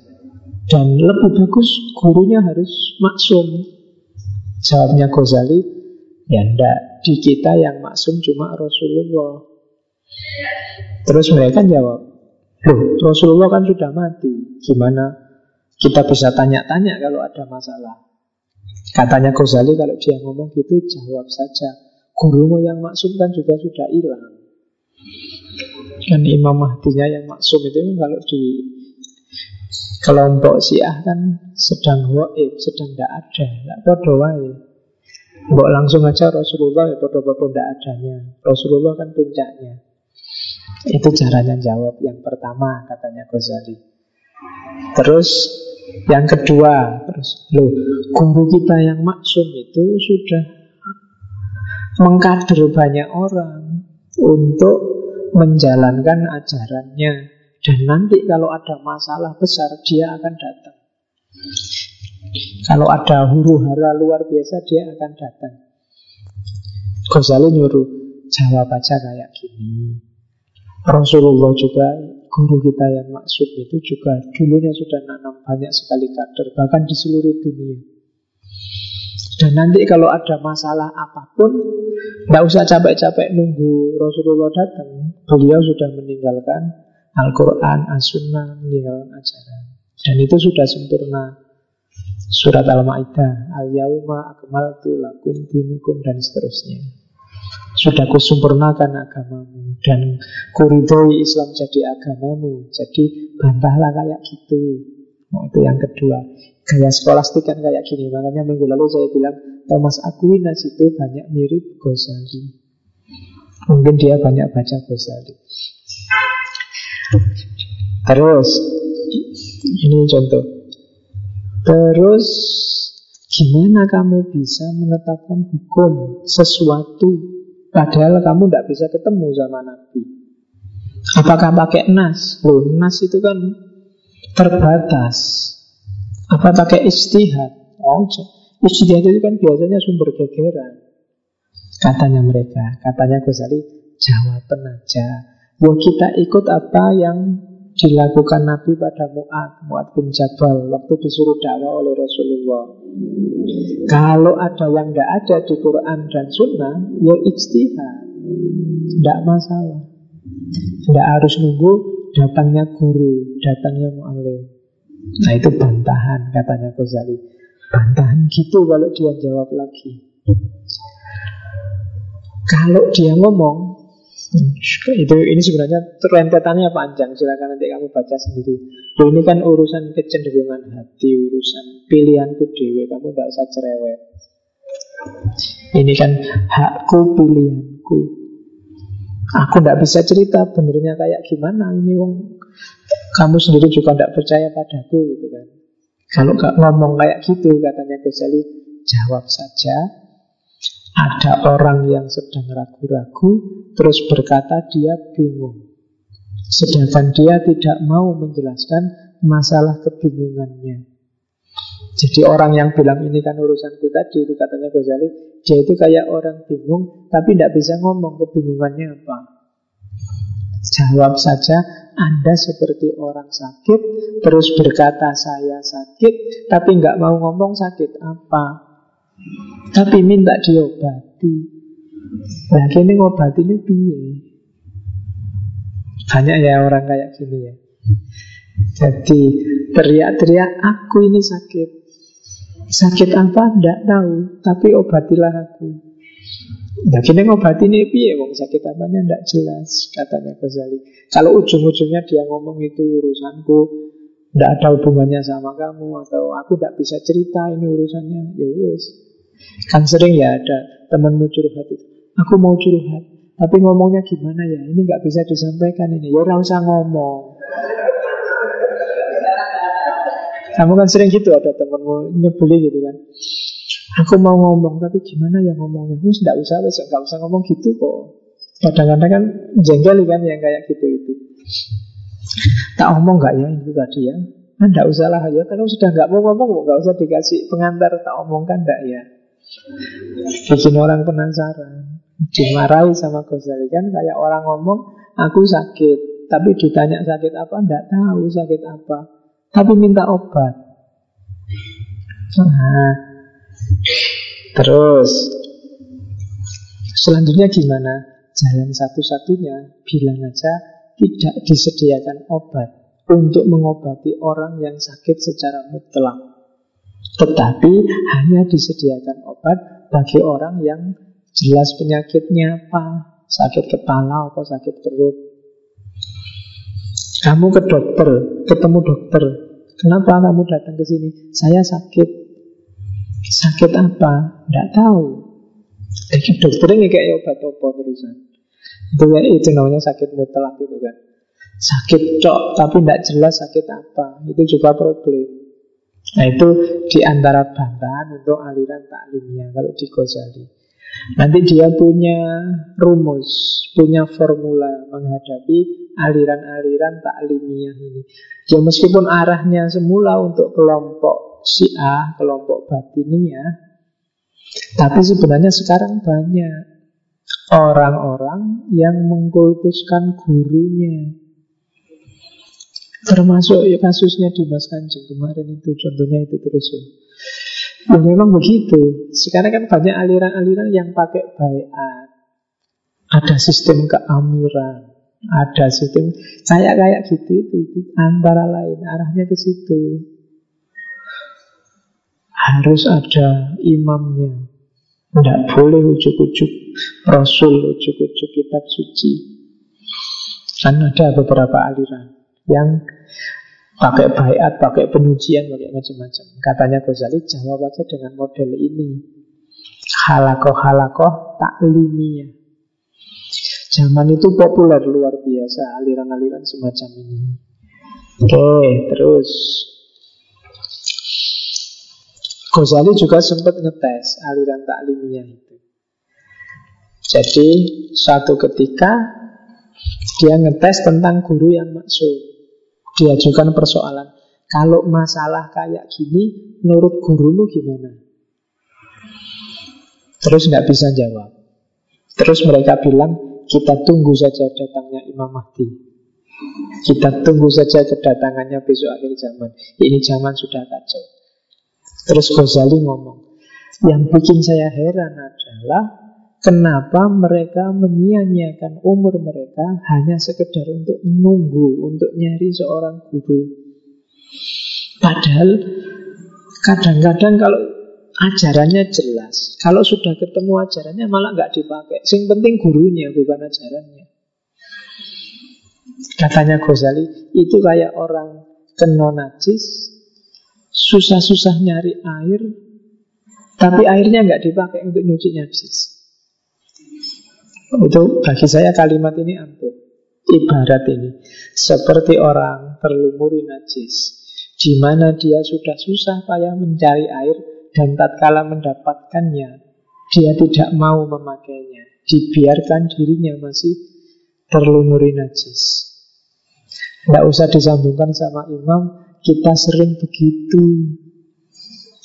Kita sering capek nyari solusi. Kita sering Belajar ilmu macam-macam untuk menyucikan diri lah, untuk meningkatkan kualitas lah. Tapi ketika ilmunya ketemu, kita nggak mau pakai. Ketika jawabannya tersedia, kita nggak mau menjalankan. Ya contohnya banyak. Sejak dulu kamu dikasih tahu kalau kamu sedang galau, sholat malam, ngaji, kumpuli orang-orang soleh. Lo teori ini mungkin kamu ngerti sudah sejak zaman lalu. Tapi waktu galau toh ya nggak kamu pakai. Bangun malam nggak kuat pak. Ngaji, wah berat juga pak. Apalagi sama maknanya. Yo ngumpul orang soleh, gak punya temanku preman kafe pak. Nggak kenal pak orang soleh di mana saya. Temanku gitu-gitu semua. Jadi jawabannya jelas, obatnya jelas, cuma tidak kamu pakai.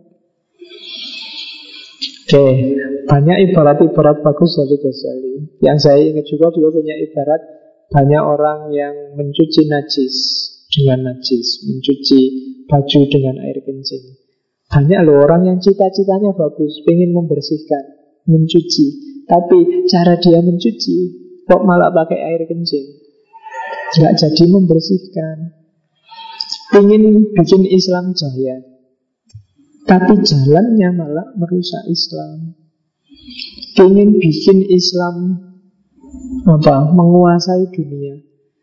Tapi yang dia lakukan malah menjatuhkan nama Islam di mata dunia. Itu mirip mencuci najis dengan air kencing.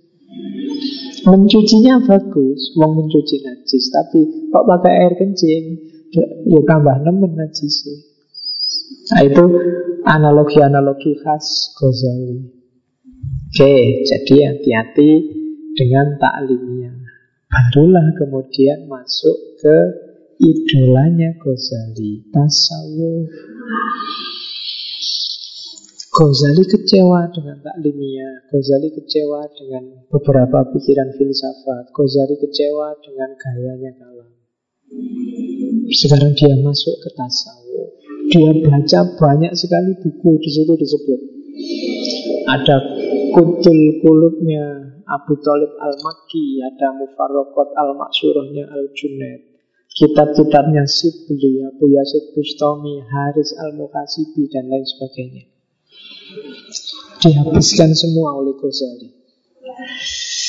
Tapi setelah itu dia Nah kalau cuma baca kitab dok tidak dapat apa-apa Dia sadar ternyata Tidak menyelesaikan masalah Ngerti ilmu tasawuf. Ternyata pengetahuan dalam tasawuf itu tidak terletak pada teorinya Tapi pada aplikasinya, amaliyahnya. Kalau bahasanya orang Jawa ilmu itu kelakuannya kanti laku harus ada lakunya. Kalau cuma dibaca kitab-kitabnya sufi ya gunanya apa dari situ dimulailah fase usilahnya Ghazali. Jadi membaca kitab sufi sebanyak itu bagi dia ternyata nggak ada gunanya. Apalagi kita, kita kan sufi itu suka bagian yang karoma-karoma Wah iso jalan di atas air Bisa itu kan yang kita senangi gitu Apalagi yang itunya. Bukan itunya katanya Ghazali. Amaliyahnya Bahkan bukan teorinya Sekarang mungkin keren Kalau kamu ngerti teori-teori tasawuf Kamu ngerti sair-sairnya Kamu ngerti gaya ya apal Cuma bukan itu tasawuf kalau hanya dari itu kamu merasa sudah sufi, anak kecil yang apal juz amma, apal sholawatan, apal itu mungkin lebih sufi dari kamu. Oh kamu tidak apal apa-apa. Ya kan, kalau parameternya itu levelmu masih belum apa-apa, katanya Gus Meskipun kamu sudah menghatamkan hikam, menghatamkan apa kitab-kitab tasawufmu, harus ada lakunya. Harus ada suluknya. Itu yang bikin Ghazali kalau berbulan-bulan jadi dia ingin memutuskan segera uzlah, tapi kok godaannya banyak. Dia sudah punya anak, punya istri, pejabat tinggi negara. Posisinya ngalah-ngalahi Perdana Menteri, ngalah-ngalahi para pejabat zaman itu. Hatinya bilang bahwa Jangan kesusu, umat masih membutuhkanmu. Jangan kesusu, ini masih banyak yang butuh dirimu, ngambil manfaat darimu. Terus begitu dia galau.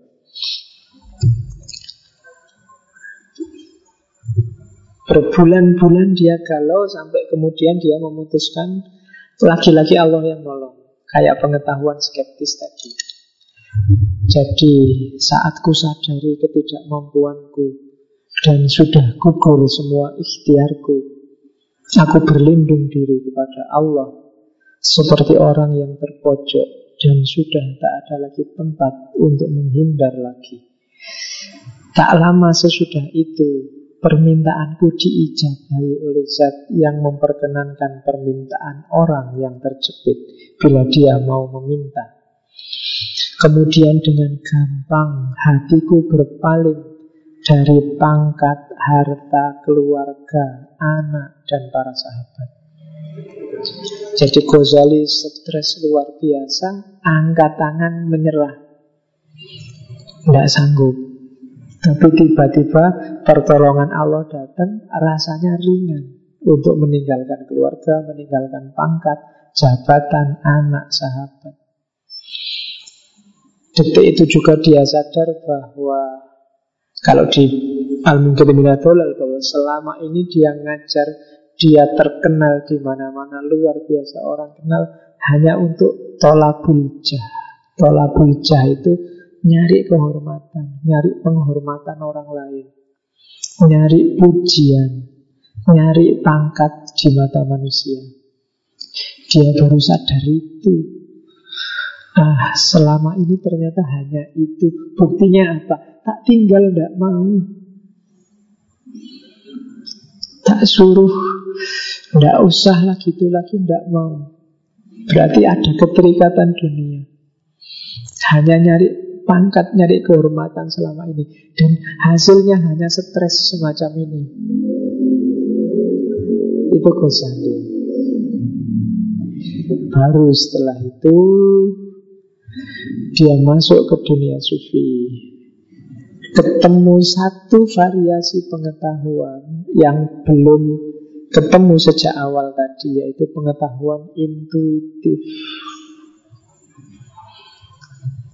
Di situlah ketemu dengan kalau di al mungkit Minadolal hakikat kenabian. Jadi pengetahuan manusia, penalaran manusia itu ya memang lewat panca indera. Dibantu oleh akal. Tapi ada pengetahuan yang mantap oh, yang pasti tidak diragukan yaitu pengetahuan intuitif kalau itu ranahnya agama sehubungan dengan Allah itulah pengetahuan ilhamiah kalau nabi itulah wahyu Jenisnya zauk. Zauk itu rasa. Pengetahuannya tidak di sini, tidak di kepala, tapi di dada. Allah menurunkan langsung. Al ilmu nurun. Ilmu itu cahaya. Jadi cahaya yang diletakkan oleh Allah langsung dalam batin. Ini sudah nggak bisa diragukan lagi. Wong nggak nyari sudah ada di sini. Ya intuisi itu kan pengetahuan yang sifatnya huduri langsung. Contohnya pengetahuan bahwa teh di gelas ini itu manis. Dan pengetahuan itu saya tahu setelah minum teh ini. Ini bantai susah. Karena aku minum sendiri. Merasakan sendiri langsung. Itu jenis pengetahuan intuitif. Zauk ilhamiyah wahyu jenisnya wahyu. Meskipun katanya Ghazali, pengetahuan intuitif wahyu yang melampaui akal itu hanya salah satu dari pengetahuan kenabian. Di samping itu ya masih banyak. Termasuk mukjizat. Mukjizat itu kan melampaui akal. Melampaui akal zamannya. Para nabi tongkat bisa dirubah jadi ular Kemudian bisa menghidupkan orang mati kayak Nabi Isa. Itu kan akal nggak bisa menjangkau. Gimana orang mati bisa dihidupkan? Nyawanya kan sudah pergi. Tulangnya sudah mau rontok, apa-apanya sudah tidak beres. Kenapa bisa dihidupkan? Itu kan di luar akal. Tapi kalau itu sifatnya wahyu, pengetahuan kenabian, ya sangat mungkin. Tidak ada yang tidak mungkin. Nah, wahyu Cuma kalau wahyu itu hanya untuk para nabi. Manusia biasa apa tidak bisa dapat pengetahuan itu? Bisa. Jalannya ya intuisi. Dan bidang keilmuan yang menggarap dunia intuisi itu tasawuf. Jadi kalau ingin dapat pengetahuan yang pasti, pakailah jalur jalur rasa. Bukan jalur panca indera atau jalur akal. Itu katanya Ghazali. Pengetahuan dari Rauk itu lebih mantap. Bantahnya susah. Nanti ada kalimat dari Ghazali. Kenapa sih kok susah dibaca pakai akal? Ya karena mungkin level kita belum nyampe. Katanya Ghazali, anak yang baru balik baru tamyiz tidak akan paham apa yang dialami oleh orang dewasa. Dan orang yang mengandalkan akal tidak akan mengerti apa-apa yang disaksikan pada tingkat kenabian. Karena orang yang mengindah, yang mengandalkan akalnya, belum mencapai tingkat yang dimaksud, sehingga menganggap kenabian itu tidak ada. Mereka seperti orang yang buta sejak lahir, yang tidak akan mudah menerima penjelasan tentang warna dan bentuk. Pinternya Ghazali nulis itu saya suka biasanya kalimat-kalimat akhir itu. Analogi-analoginya luar biasa. Seperti orang buta sejak lahir yang tidak akan mudah menerima penjelasan tentang warna dan bentuk. Itu menggambarkan orang yang mau ajak diskusi kayak apa pun tidak bisa sudah. Kamu jelaskan sampai capek pun dia akan susah menerima. Kenapa? Karena dia sudah buta sejak lahir.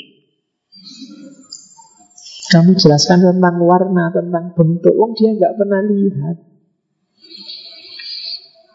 Untuk bisa ngerti itu, biarkan dia ngalami sendiri. Kalau tidak menjelaskannya susah, wong ini lauk. Kok mati-matian tak jelaskan. Teh ini manis, manisnya itu kan kamu bisa ragu-ragu juga. Cara paling gampang, nanti kalau saya pergi minuman ini, nggak ngerti kalau teh ini manis. Lauk itu seperti itu. Percuma tak jelasin bahwa sholat itu bikin hati kita tenang, tenteram, merasa dekat sama Allah. Itu susah. Mending kamu sholat Allah, rasakan. Gimana enaknya sholat? Tapi sholat yang benar bukan sholat kilat khusus JNE itu. Ya. Jadi Itu hakikat kenabian. Cuma hati-hati ya. Banyak orang ngaku-ngaku.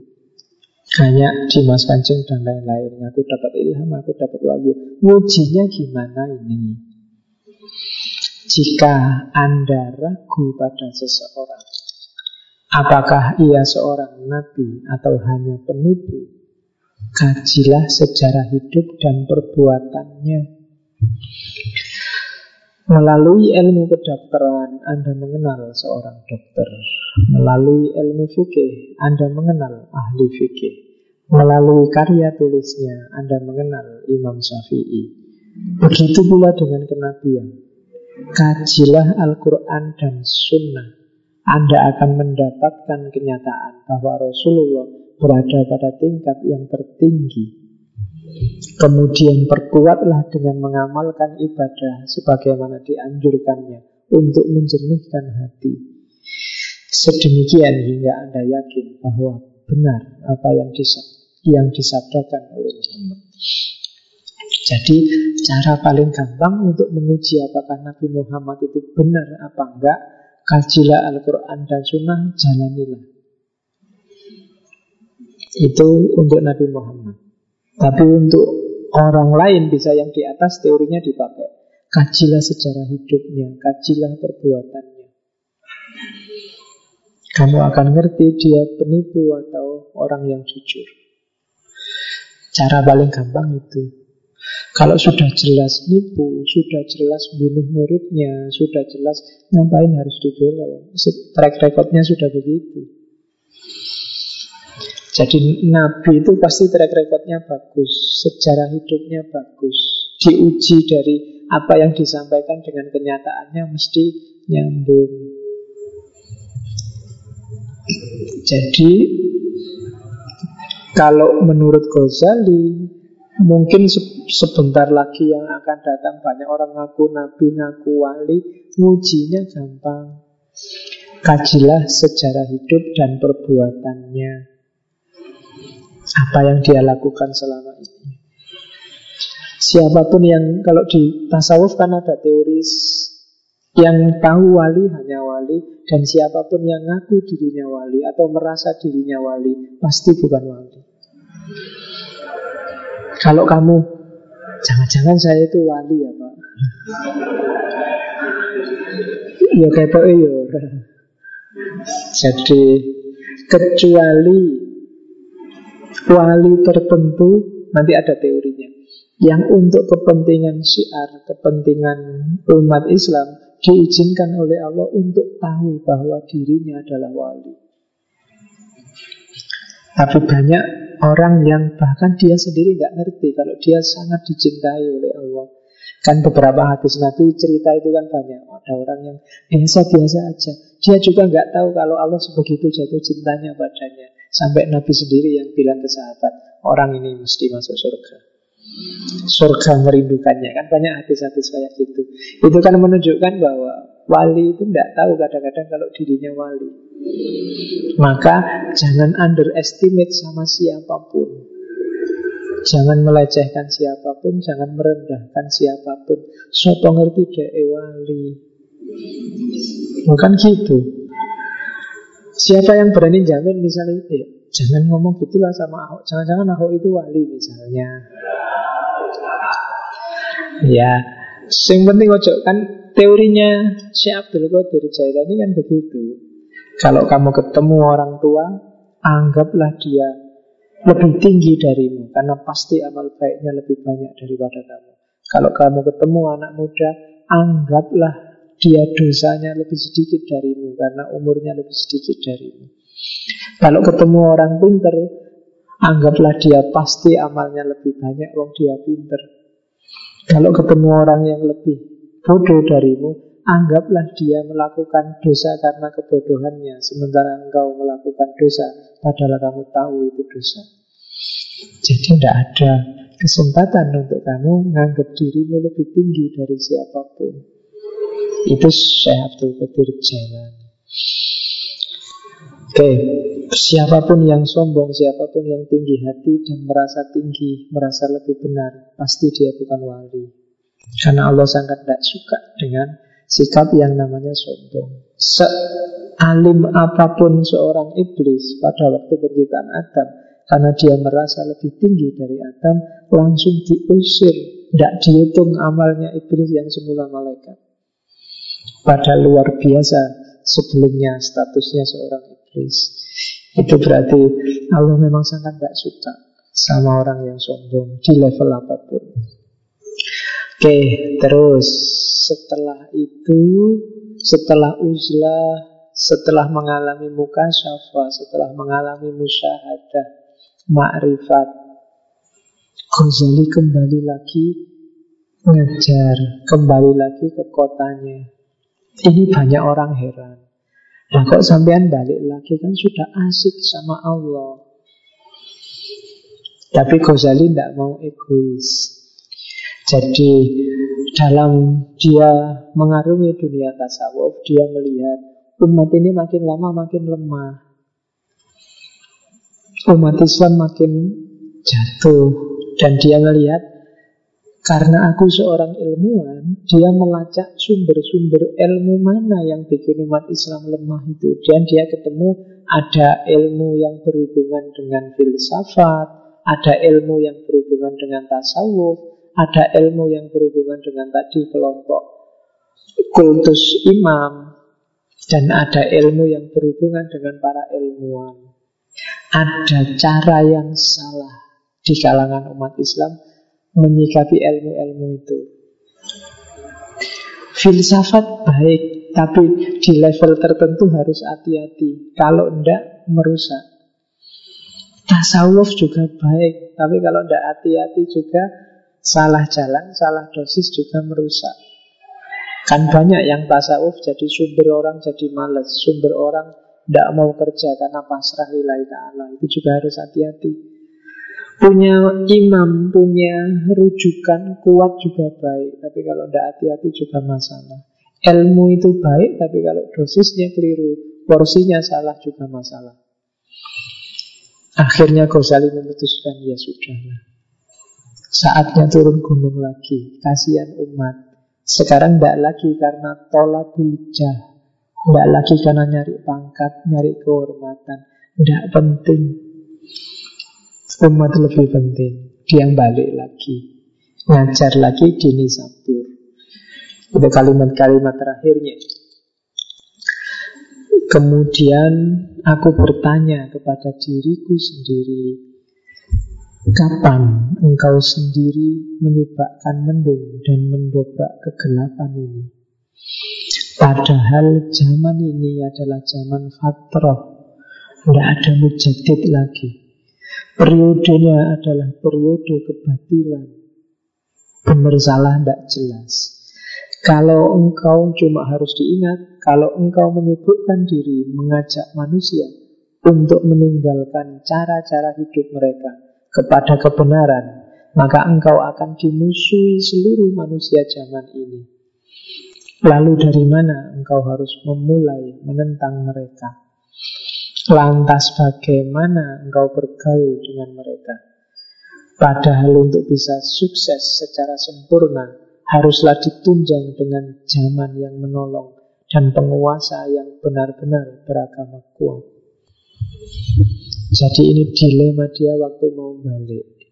Ini zaman ini sudah parah Periodenya adalah periode kebatilan Salah benar tidak jelas Yang salah tampilannya bisa benar Yang benar kelihatannya kok ya salah Dan tidak ada mujadid Kita merujuk ke mana? Kiai-kiainya masuk partai semua Ya kan? Susah nyari Itu kan galau Ghazali Dan kalau kamu mau nekat Melawan mainstream engkau akan dimusuhi banyak orang. Sanggup enggak? Terus kalau kamu melawan mainstream itu loh, apa bisa kamu dekat sama mereka? Padahal untuk dakwahmu sukses, kamu harus dekat sama mereka. Dan kalau kamu ingin sempurna kesuksesannya, harus juga ada penguasa yang mendukungmu. Kalau enggak, impossible. Itu dilema-dilemanya Ghazali. Jadi mungkin dilema kita juga hari ini kalau mau melawan arus zaman.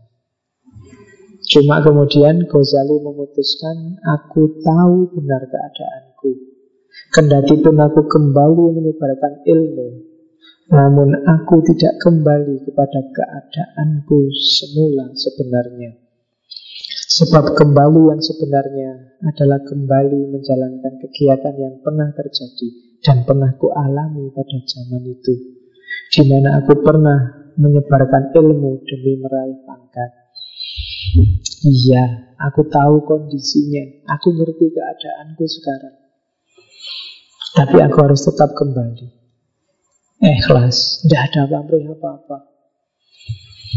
Yakin dengan gaya ini, aku bisa menyelesaikan banyak hal. Bisa membawa manfaat banyak pada umat. Dan nanti penguasa pasti juga mendukung. Dan memang itulah yang terjadi nantinya. Ghazali sebagai seorang sufi lebih sukses dibandingkan Ghazali sebelumnya. Dalam tanda petik. Lebih sukses tidak pada zaman Ghazali hidup, tapi sampai hari ini.